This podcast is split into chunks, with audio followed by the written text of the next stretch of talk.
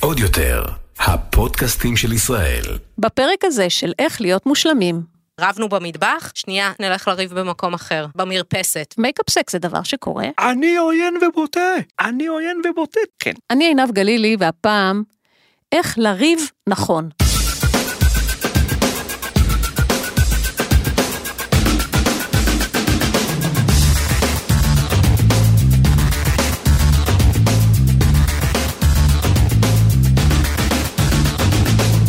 טוב, אני לא גאה בזה במיוחד, אבל אני מתווכחת איום ונורא.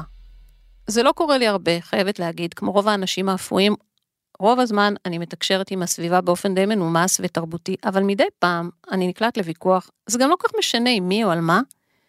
תוך חצי דקה, המוח שלי הופך מקבלת פנים מנומנמת בבית השגריר, ליציע חמש בטדי בזמן משחק עם סכנין, כולל הקללות לשופט.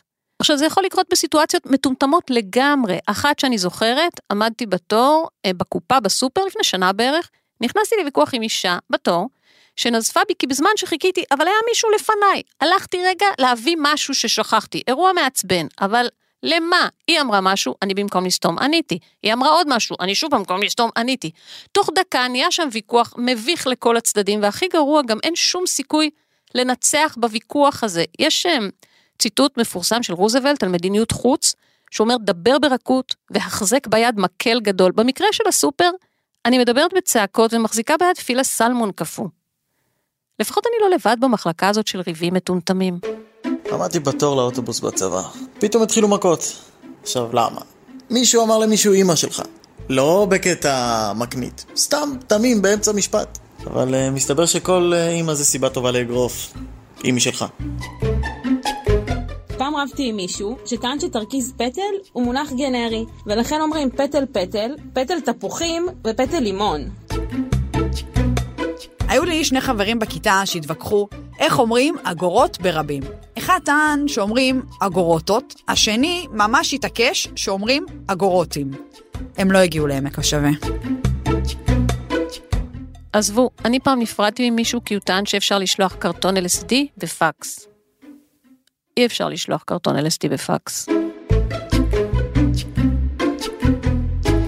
אז הסכמנו שאין דבר קטן מדי מכדי לריב עליו. הטמטום האנושי במחלקה הזאת הוא באמת אינסופי. זה עדיין לא מסביר למה בוויכוח, גם אם הוא שולי וממש לא חשוב, למה אני הופכת בכלום זמן מאדם מנומס ומאופק לזהבי עצבני כשהוא שוב מנסה להיגמל מניקוטין. זו כבר שאלה למישהי מתחום בריאות הנפש. מישהי כמו דוקטור רוני פשדסקי שוחט, שהיא פסיכולוגית קלינית וחוקרת זוגיות בבר אילן. תגידי, למה אנחנו קופצים כל כך מהר מ-0 ל-100 ברמת הזעם? כי אני חושבת שמישהו נגע לנו באיזה נקודה. מישהו נגע לנו, לחץ לך על איזה כפתור, ולא רק את. כשלוחצים על הכפתור הזה, משהו שם במעלית עלה מיד לקומה העליונה, ולא עצר בדרך. ולפעמים כשאנחנו עוצרים, עוצרות ורגע מנסות להבין על איזה כפתור לחצו לי, לפני שאני כועסת, כי כעס זה רגע שהוא קצת יותר בשליטה, אה, ושאנחנו מרגישות איתו יותר בנוח. את אומרת שכעס הוא רגש שאנחנו מרגישות איתו יותר בנוח? הוא רגש שבשיטה שנקראת EFT זוגי, שיטה שמדברת על טיפול ממוקד רגש, היא תגיד זה רגש שהוא שניוני. זה רגש שהוא מעל פני השטח, זה רגש שיותר, אנחנו חיים איתו יותר אה, בשלום. הרגש היותר בעייתי זה רגש של פגיעה, זה רגש של דחייה, הרגשתי עכשיו מושפלת אולי, אז מיד אני מגיבה בכעס, אבל לפני כן היה איזה משהו שהיה לי כזה אאוץ', משהו כאב לי. ועכשיו עוד שאלה עקרונית, מה בכלל הסיכוי להשתכנע או לשכנע מישהו בוויכוח? נגיד כבר נקלעתם לריב, המצב הידרדר, ואתם נשמעים כמו לי גרינר מול שוטר כשהיא מקבלת דוח, חזרתי לארכיון כדי לבדוק, הציטוט המדויק, תימני שנראה כמו התחת שלי. עכשיו, נקלעתם לסיטואציה, ביליתם לילה במעצר, השתחררתם בבוקר בערבות, אבל מה הסיכוי שאחרי כל הבלגן הזה מישהו השתכנע, מישהו בהיסטוריה האנושית אי פעם השתכנע בוויכוח? חד משמעית. חד משמעית. ואני אומר את זה גם מניסיון אישי וגם מניסיון של אנשים אחרים. זה יוני כהן עידוב, הוא מומחה ב debate. הוא היה אלוף העולם ב debate, זה אדם שאתם לא רוצים להתווכח איתו כי הוא מנצח. העבודה שלו בחיים זה לשכנע אנשים. יוני, הרושם שלי הוא שמרגע שמתחיל עימות, הדינמיקה של הוויכוח כל כך חזקה, שכל אחד מתבצר בעמדה שלו. בעצם מרגע שזה התחיל, כבר אין סיכוי שמישהו ישתכנע. ברשותך אני אסייג, לא ניתן לשכנע בכל סיטואציה. לא בכל סיטואציה ניתן לשכנע. האם בחלק מהוויכוחים, בחלק מה, במרכאות ריבים, ניתן לשכנע? חד משמעית כן. איך אני משכנעת? ברשותך שלושה טיפים. אוקיי. קודם כל, צריך להיות על אותו דף. עכשיו זה נשמע בנאלי, זה נשמע מובן מאליו.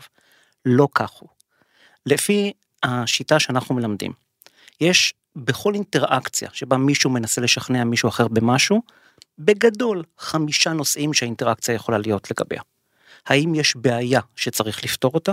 האם הפתרון שמוצע פותר את הבעיה? האם מבחינה ערכית הוא מוצדק או אה, עקרונית הוא מוצדק? האם התועלת עולה על הנזק? ולמה דווקא הפתרון הזה ולא אחרים? עכשיו אני אתן דוגמה ברשותך. עשיתי השתלמות מורים לפני אה, כמה חודשים. באה אליי מורה אומרת לי אתמול רבתי עם בעלי הגענו לצעקות שלא תדע לא יודעת מה היה שם אולי אתה יכול לחוות דעתך. אמרתי כמובן לא לחינם אני רווק בן 40 אני אה, הסמכות העליונה לענייני מערכות יחסים בבקשה שתפי אותי. היא אמרה לי אמרתי לבעלי שהוא צריך לאסוף מחר את הילדה מהגן. הוא אמר לי אני אאחר לישיבה שיש לי בבוקר. אמרתי לו אנחנו צריכים להתחלק שווה בשווה בטיפול בילדה זו אחריות של שנינו. הוא אמר את לא חושבת שאני יודע את זה אמרתי לו עובדה שאתה לא התחילו לריב. עכשיו בואי שנייה נשים לב לפי השיטה שפירטתי הרגע מה קרה כאן. האישה מציגה בעיה צריך לאסוף את הילדה מהגן מהמם. אין מחלוקת על הבעיה. אוקיי. האישה מציגה פתרון, הבעל יאסוף את הילדה מהגן. אין מחלוקת שאם הפתרון יבוצע הוא יפתור את הבעיה. כן. הבעל מציג טיעון מסוג נזק. אני אאחר לישיבה. והאישה משיבה לו, אבל אנחנו צריכים להתחלק שווה בשווה בטיפול בילדה, זו אחריות של שנינו. זה טיעון עקרוני, נכון. זה טיעון של הצדקה עקרונית. בשלב הזה בוויכוח, שניהם צודקים, אבל כל אחד צודק בנושא אחר. הם לא רואים את זה צד אחר. אחד כן. מתווכח על נקודה ספציפית, כשאתה צריך למצוא לה פתרון קונקרטי. נכון מאוד. והצד השני בעצם פתח ועכשיו הוא מנהל דיון ערכי, אולי אכן. לגיטימי וחשוב, אבל לא אותו ויכוח, לא אותו בדיוק- דיון. בדיוק מה שאמרת. והדבר החמישי, למה דווקא הפתרון הזה ולא, ולא פתרון אה, אחר, שאגב פה היה מאוד רלוונטי. לצורך העניין הדיון שצריך להתקיים פה הוא מה גורם הכי מעט הכי פחות נזק האם זה שהבעל יאחר האם זה שהאישה תפספס את מה שיש לה בבוקר האם זה להוציא 50 שקל על בייביסיטר או להטריח את סבתא זה הדיון שצריך להתקיים פה. אבל גם כשאתה אומר את זה, וזה כן. ניתוח מעניין, כן גם כשאתה אומר את זה, בעצם השאלה על מה אנחנו מדברים. כי אם היא ינזק יותר, יכול להיות שמחר ספציפית, הישיבה שלך יותר חשובה. נכון אבל ברמה העקרונית, או ברמה הערכית, יש פה משהו שאני לא רוצה לוותר עליו, כי אם אני אוותר עליו הנזק הוא לי, אז גם בעניין יפה מאוד. הנזק, השאלה למה אתה מתייחס. יפה מאוד אז אני יוצא מתוך נקודת הנחה שהבעל מסכים שעקרונית הם צריכים שניהם לטפל בילדה אם זה לא נכון יש לנו דיון אחר לחלוטין לקיים. אוקיי, אז מה שאתה אומר בעצם, הדבר הראשון לעשות, וזה קשה נורא, קשה מאוד. זה להגיד על מה אנחנו מתווכחים, בדיוק. האם אנחנו מתווכחים עכשיו על אותו דבר, בדיוק. ואני מניחה שיהיה יותר פשוט בנקודה מסוימת לכווץ את זה לאירוע הספציפי, ולא בכל שנייה לפתוח אה, נכון. דיון מלומד על ערכים נכון ועקרונות. מאוד, נכון מאוד, וזה הרבה יותר קשה ממה שזה נשמע, אבל זו השיטה שאני ממליץ להיעזר בה. איך עושים את זה טכנית? ומופיעה אצלי בראש הכותרת של מהי המחלוקת בינינו. כל דבר שאת תגידי, השאלה הראשונה שאני אשאל את עצמי אוטומטית זה, האם זה רלוונטי ישירות למחלוקת? אם כן, מעולה, אני אגיב, ואני אני אענה, ואני אני, לא- לאו דווקא אתווכח, אני אענה בכבוד, ואני אגיד את מה שאני חושב וכולי. אם זה לא רלוונטי למחלוקת, אני אגיד בנימוס, עינב, אני מסכים איתך בנקודה זו, אבל היא לא רלוונטית, במילים יפות אני אגיד את זאת, אה, למחלוקת שאנחנו דנים בה כרגע. אם יורשה לי עוד דוגמה אחת, לפני שנתיים חלקתי דירה אה, מחולקת בתל אביב עם מכונת כביסה בלובי של שתי הדירות. מהמם.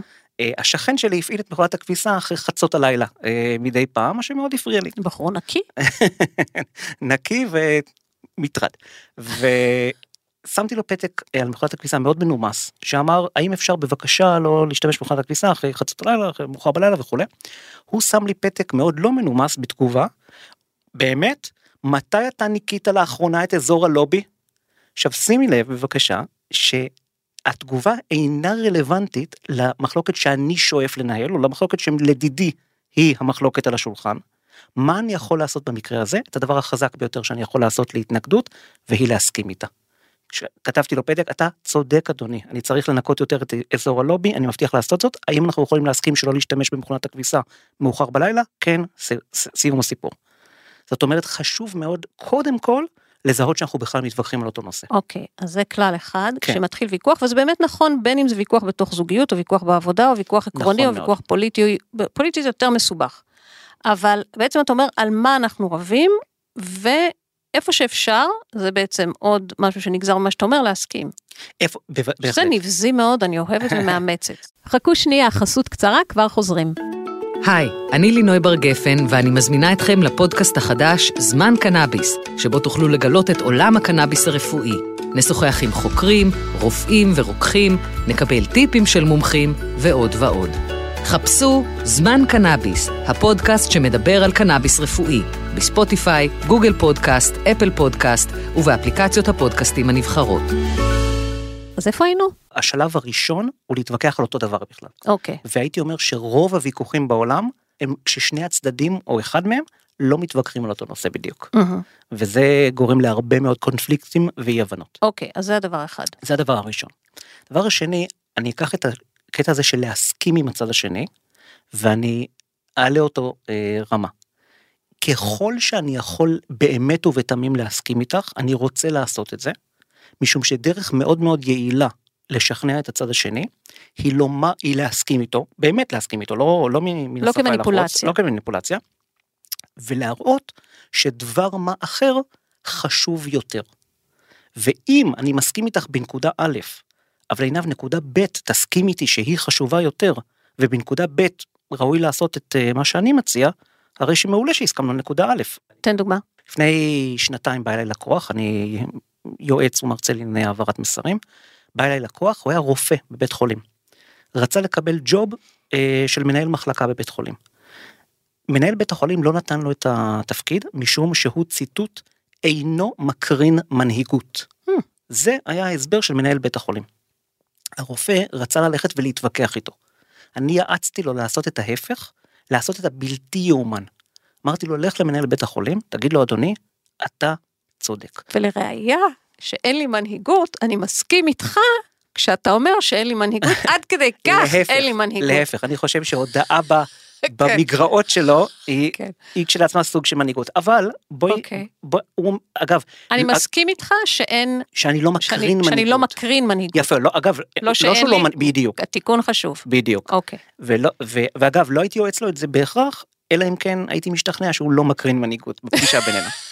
ואני לא רוצה, אם זה הוא כמו מאזין לנו. הבדיחה הזאת, כן, שאתה בא לפסיכיאטר, הוא אומר, אתה, כן, לא סובל מרגשי נחיתות, אתה נחות. לא. אז אוקיי, בעצם, הוא בא ואומר, אני מסכים איתך שאני אני לא לא מקרין מנהיגות. עכשיו מנהל בית החולים קודם כל נפתח לשמוע אותו הוא מופתע שהרופא מודה במגרעותיו הוא מופתע שהוא מודה שהוא צודק זה לא דבר שכיח במקומותינו הוא פתוח לשמוע אותו.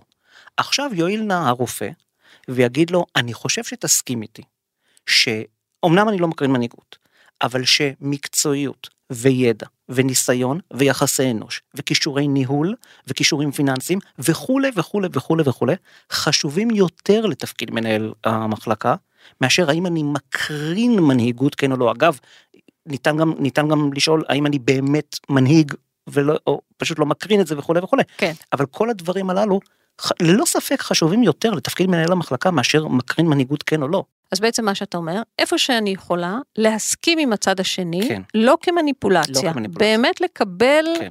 עד כמה שאני יכולה את נקודת מבטו או מבטה, כן אבל לבוא ולטעון שיש עניין אחר שהוא יותר חשוב מזה, נכון. וצריך להתמקד בו. הטיפ האחרון שאני אתן גם הוא קשור ל- להסכים עם הצד השני, אבל הפעם יש פה אה, רבע מניפולציה. לצורך העניין, אני מאוד מאוד מאוד מקפיד, אני לא חושב שאת תתפסי אותי, אה, לפחות לא בסבירות אה, גבוהה, אומר משהו שלילי בשפה אישית, בגוף שני. למה אני מתכוון? אם אני חייב לא להסכים איתך, אני אגיד קודם כל משהו חיובי בשפה אישית, ואני אגיד עינב, אני מסכים איתך ש... עינב, שאלה מצוינת. עינב, אה, אה, נקודה מעולה ש, שאני חושב שהיה ראוי להעלות אותה. אני חושב שהשאלה מתבססת על הנחת יסוד שהיא לאו דווקא נכונה. עכשיו, זה משהו מאוד פשוט, ואני אמרתי את הדברים החיוביים שהיו לי להגיד עם השם שלך, בגוף שני, ואת הדברים השליליים שהיו לי להגיד, אמרתי על השאלה. כלומר, הכנסתי חיץ מסוים בין ההערכה העצומה שלי אותך, לבין הסוגיה, אתה נפלא. פשוט דעתך בעניין הזה זה שטות מוחלטת. עכשיו, תבואי ותגידי לי, אבל זאת השאלה שלי, זה עדיין אני, אתה עדיין תוקף אותי. מבחינה פסיכולוגית זה לא קרוב אפילו. כאשר התודעה האנושית שומעת את עצמה מותקפת, כאשר אני שומע, יוני, אני מותקף, עינב, אני מותקפת, אני מתגונן או מתגוננת ביתר שאת. אם אני מועצם ומשהו אחר מותקף, אפילו שהמשהו אחר קשור אליי, אני נוטה להתגונן הרבה פחות. והדוגמה החביבה עליי בכל ההיסטוריה בנושא הזה, היא שלפני שנה חייתי ועבדתי בסין, בשנגחאי.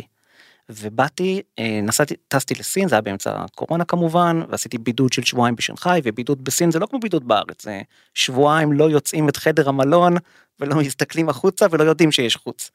ואז הייתי צריך לטוס לעיר אחרת, לתת הרצאה, שאלתי אותם איזה מסמכים אני צריך, אמרו לי דרכון, תו ירוק, בסדר, הגעתי לעיר אחרת למלון, אמרו לי רגע, איפה מסמכי הבידוד שלך, איפה מסמכי הזה, איפה מסמכי הזה, רצו לזרוק אותי לבידוד שבועיים נוספים.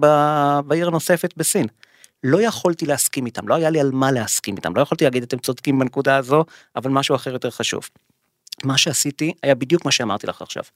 ראיתי את דש הבגד של הפקידה במלון, קראו לה איליין, ואמרתי לה... מזלך, כי אם זה שם סיני, הלך על הטקטיקה. את צודקת במאה אחוז. ואמרתי לה, איליין, אני מאוד מאוד מעריך את העזרה שלך ואת הטרחה ש... שאת טורחת בלנסות לעזור לי בלפתור את הטעות הזו שנעשתה על ידי המלון. הרחקתי את, את אותה, את האישה, איליין, את האדם, מהמוסד, מהטעות, תוך שעתיים ישנתי בחדר שלי, טיפלה בכל הניירות. עכשיו, האם זה שיקוי קסמים שפותר כל ויכוח, כל אה, דיון, תמיד ישכנע בכל מצב? ברור שלא. ברור שלא. שיקוי קסמים שפותר כל ויכוח או דיון, מניסיון שלי, זה רק חנופה. חנופה כבדה. תגיד, יש גם גל אמוציונלי בריב, זה מתחיל הרי, ואז זה מתחמם, זה מתחמם, זה מתחמם, צובר תאוצה, ואז באיזשהו שלב מגיע לשיא, ואז מתעייפים, או קצת מתייאשים. מתי הסיכוי הכי גדול לעשות שינוי בדעתו של מישהו אחר? אני חושב שזה שונה מאוד אצל כל אדם. Mm-hmm. אני אחרי 20 ומשהו שנה של ויכוח אה, שהיכה את, אה, את הבלוטות ויכוח שלי. אתה אני, לא מתעצבן? לא, אני מסוגל לעשות שינוי בכל שנייה. וואו. בשנייה שאני אבין שאת צודקת, ואני מסוגל להבין שאת צודקת, אני משנה דעתי ככה. אני חושב שהנקודה הנפוצה היא אחרי הפיק הרגשי. Mm. כלומר, בירידה מהפיק הרגשי שכבר... אה, עברנו את הגרוע ביותר, אני חושב שהנק... שהנקודה שבה ניתן לשנות את הדעה היא שם. לצערי, בזמן שיוני מדבר, נזכרתי בעוד ויכוח מטומטם שנקלעתי אליו, זה היה מסיבת פורים בתל אביב. לפני שנתיים לדעתי, מסיבת רחוב, כשסוגרים את כל העיר ממרכז תל אביב, צפונה, הכל מחסומים משטרתיים, אין דרך, פקקים, טירוף, אי אפשר להגיע, באוטו גיהנום. ובחוץ מלא אנשים מחופשים, ושותים ומוזיקה, ושותים ומחופשים ושמח, ואני הייתי צריכה להגיע לאן שוב, הייתי בטירוף, הייתי באיחור נוראי, ולא הצלחתי להגיע, הכל מחסומים משטרתיים, ואני באה לפנות מוויצמן לפינקס, ואני רואה מחסום משטרתי, אני באיחור משוגע, ואני רואה שוטר. אני יוצאת ואני אומרת לו, אתה מוכן בבקשה להזיז את המחסום הזה כדי שאני אוכל להגיע הביתה? הוא אומר לי, גברת, אני לא שוטר. הוא היה מחופש לשוטר. עמד לידו כבאי, לאלוף העולם בדיבייט זה לא היה קורה. יוני, מה מזיז את זה?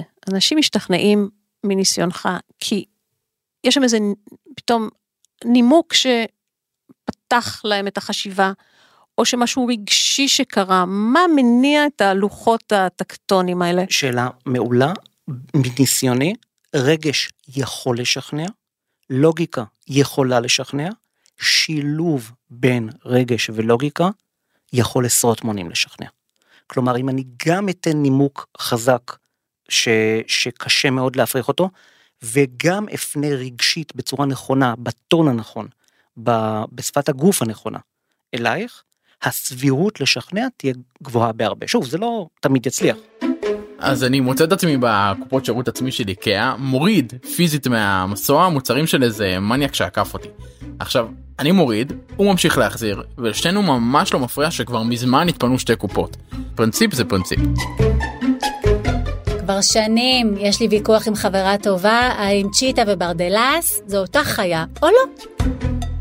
יצא לי לשמוע מצעיר דתי שאריסטו בעקבות הרמב"ם שינה את דעתו וחזר בתשובה. כשאמרתי לו שזה הישג מאוד יפה של רמב"ם כי הרמב"ם נולד בערך 1500 שנה אחרי שאריסטו מת, זה לא השפיע עליו בכלל.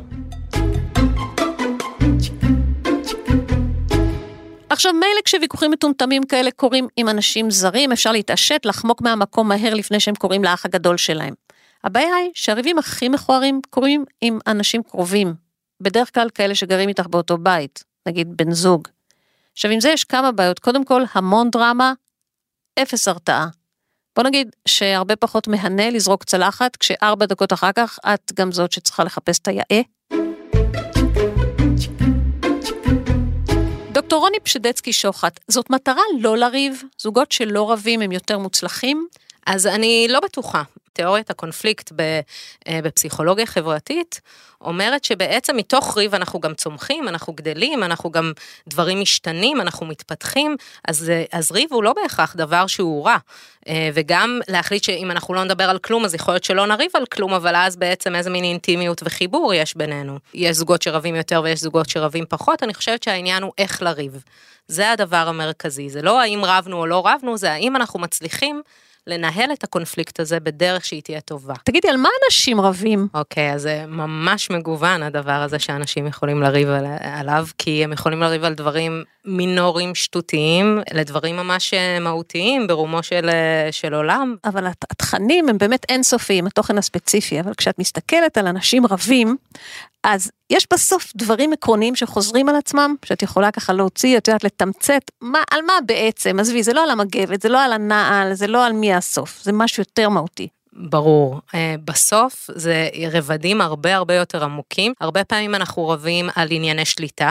מי מחליט? מי, מי יוצא לו להחליט? מי זה שאמר את המילה האחרונה?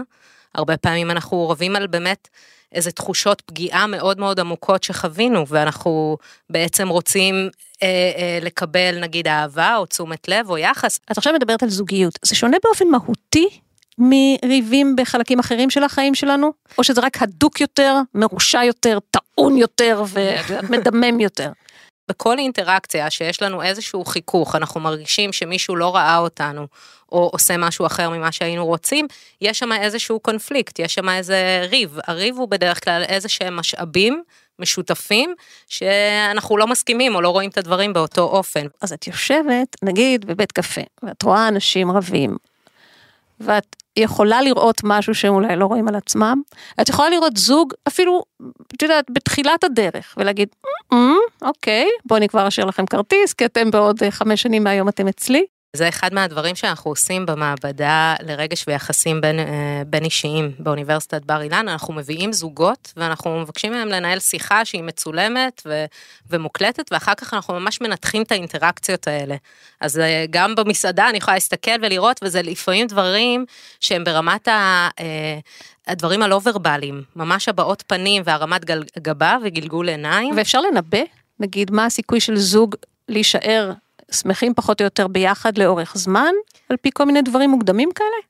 אז אה, דוקטור ג'ון אה, אה, גוטמן, שהוא אבי החקר של האהבה והזוגיות, הוא ממש טוען שהם יכולים לנבא במעבדה על סמך אינטראקציות של כמה דקות, האם זוג יישאר ביחד או לא, ושהם צודקים במשהו כמו 80% מהמקרים. זה הרבה מאוד. זה, כן, זה לא מעט, והרבה מהדברים שהם מתמקדים בהם זה באמת כל מיני דפוסי תקשורת שאנחנו יכולות אה, להתעמק בהם עכשיו, אבל זה באמת האם בתוך הריב היה לנו אה, ממדים של אה, ביקורת, האם היה לנו בוז, אה, לעג, התייחסויות כאלה. האם היה לנו התרחקות או התנתקות כזאתי, אה, אם היו את כל האלמנטים האלה, אז אה, סימנים אה, פחות טובים. לעומת זאת, אם היה הבעות של חיבה, קרבה, הומור משותף בתוך הדבר הזה, הומור שהוא לא ציניות, שהוא לא לועג לאחר, אז הכיוון הוא חיובי יותר. מה לא לעשות בריב? קודם כל, אני חושבת שזה, וזה הדבר הכי קשה הרבה פעמים, זה באמת לזכור שלכל ריב יש את מוצאי הריב שלו, אוקיי? הריב הזה ייגמר, וכל עוד זה קשר שהוא אה, ממושך והוא יתקיים, אז צריך לזכור שמחר אנחנו ניפגש שוב. ואם עכשיו הוצאתי את כל הכביסה המלוכלכת ופגעתי מתחת לחגורה, לפעמים יש דברים שהם ממש על החזור, כאילו יש דברים שגם אם הם נסלחים, הם לא נשכחים, ואז אה, זה מטען כזה שנצבר גם לריב הבא. לא, זהו, זה נכון, אני חושבת, אפילו מהסתכלות לא מקצועית על אה, זוגות, שאת אה, ממש יכולה לראות איך בעצם החוקים נקבעים בתנועה. ואם משהו נעשה, הרבה פעמים הוא נקודת המוצא כבר לסיבוב הבא, ואז יש הסלמה כזאת. נכון. כי מה שהבלתי מתקבל על הדעת, הוא פתאום נהיה חלק אה, כאילו לגיטימי. הדבר השני, ושאולי הוא קצת מתחבר ל- ל- להיבט הזה, והוא גם מנסה למצוא את האיזון הזה בין מי שרוצה ממש כאילו לפתור הכל עכשיו, כי, כי אחרת אה, אה, אה, הוא או היא יישארו באיזה דריכות נוראית, כי הם לא יודעים מה קרה עם הריב, לבין הצד השני שאולי מרגיש שהוא צריך שנייה אה, אה, להתנתק, זה, זה באמת אה, לעשות שנייה איזה טיים אאוט, לעשות, לסכם. שאם אנחנו רואים שהרוחות מתלהטות, אנחנו רגע עושים טיים אאוט, ואפשר לחשוב על איזה מילה משותפת. אפילו... מילת ביטחון. ממש ככה, שיכולה לסמן שאנחנו עכשיו רגע יוצאים לטיים אאוט, ובטיים אאוט הזה כל אחד יכול שנייה לסדר את המחשבות, ובאמת אולי לווסת את עצמו לפני שהוא מגיע אה, אה, טעון לקרב, ו, אבל כן חשוב שבטיים אאוט הזה יהיו גם הגדרות. זאת אומרת, זה לא עכשיו, אוקיי, טיים אאוט ובוא נקווה שמתישהו נחזור לדבר על זה, אלא משהו שאומר, אוקיי, בוא... עוד חצי שעה ניפגש במרפסת ונמשיך את השיחה הזאת. אז גם לפעמים שווה לעשות איזה שינוי תפאורה.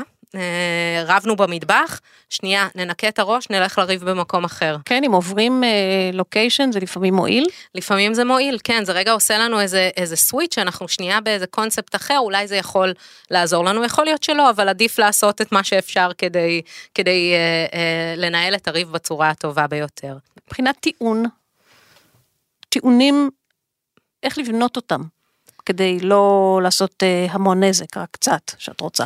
בטיים אאוט הזה הייתי לוקחת את הזמן רגע לסדר את המחשבה, והמחשבה זה קודם כל באמת להבין על מה אני רבה. כאילו, את אומרת, ישר אני כועסת, אבל אמרנו, יש איזה משהו את המעלית שלנו לפנטהאוז, אז מישהו, הכפתור הזה, האם אני מצליחה רגע להבין מה זה היה הכפתור הזה שלחצו לי עליו?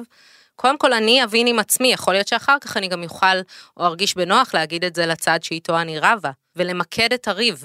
אה, לא עכשיו להתחיל, ו- ופה ככה ושם ככה, ו- ו- ומה שקרה לפני שבועיים. ואת תמיד. בדיוק, והתמיד הזה, התמיד את תמיד, אתה תמיד, זה כבר משהו שהוא, אה, שהוא מאוד אה, אה, מסכל ריבים או מסלים אותם, כי אין שום דרך להתמודד עם, ה, עם ההחלטה או ההכרעה על המהות של מי את. צריך לחשוב על משהו במונחים ממוקדים ושהם ספציפיים.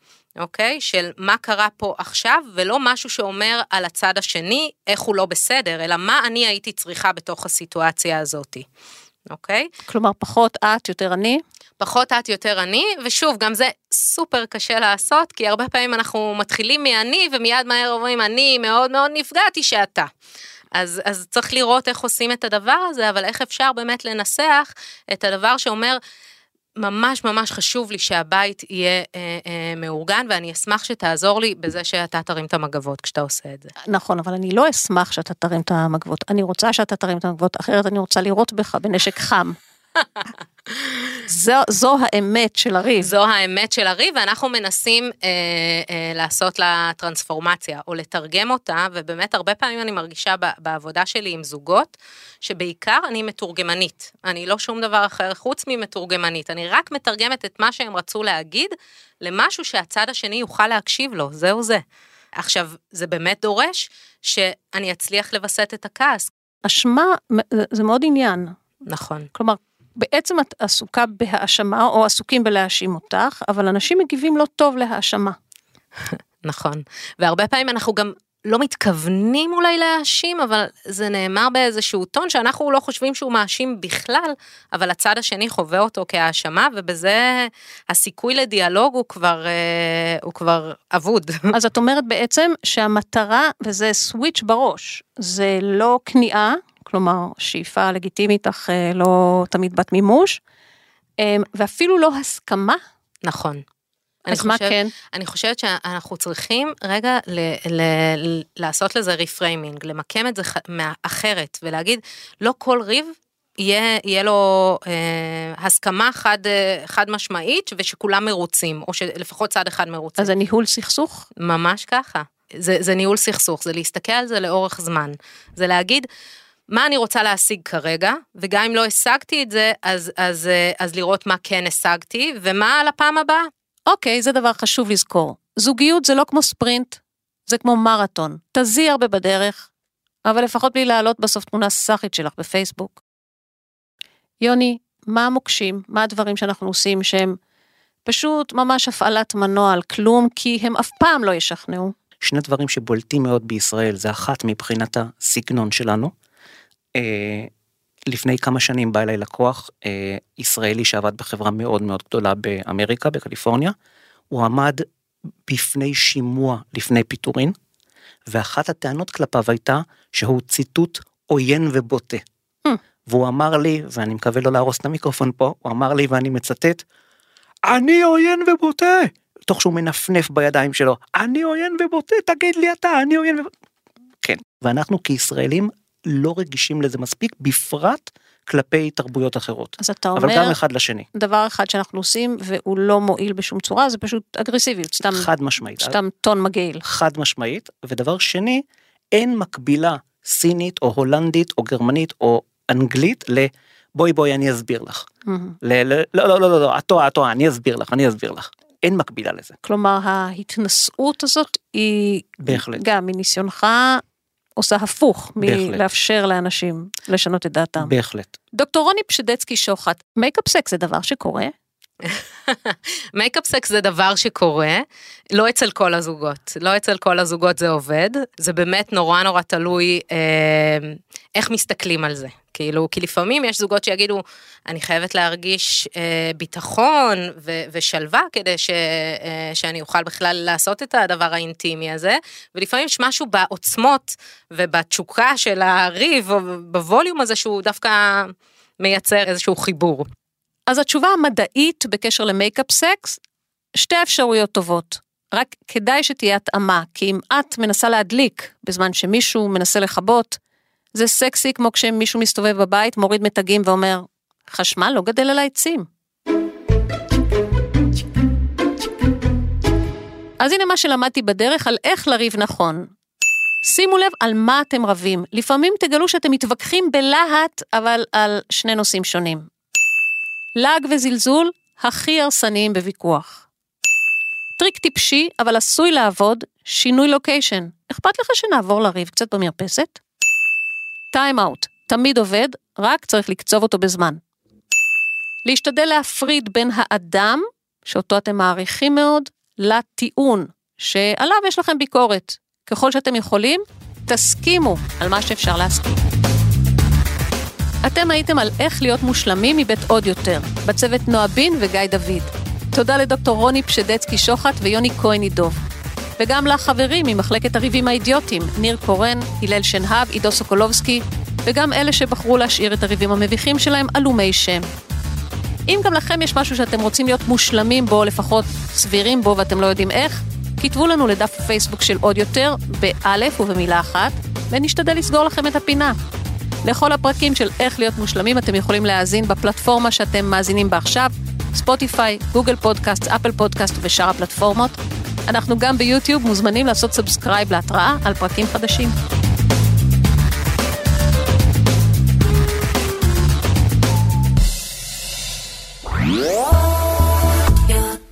עוד יותר, הפודקאסטים של ישראל.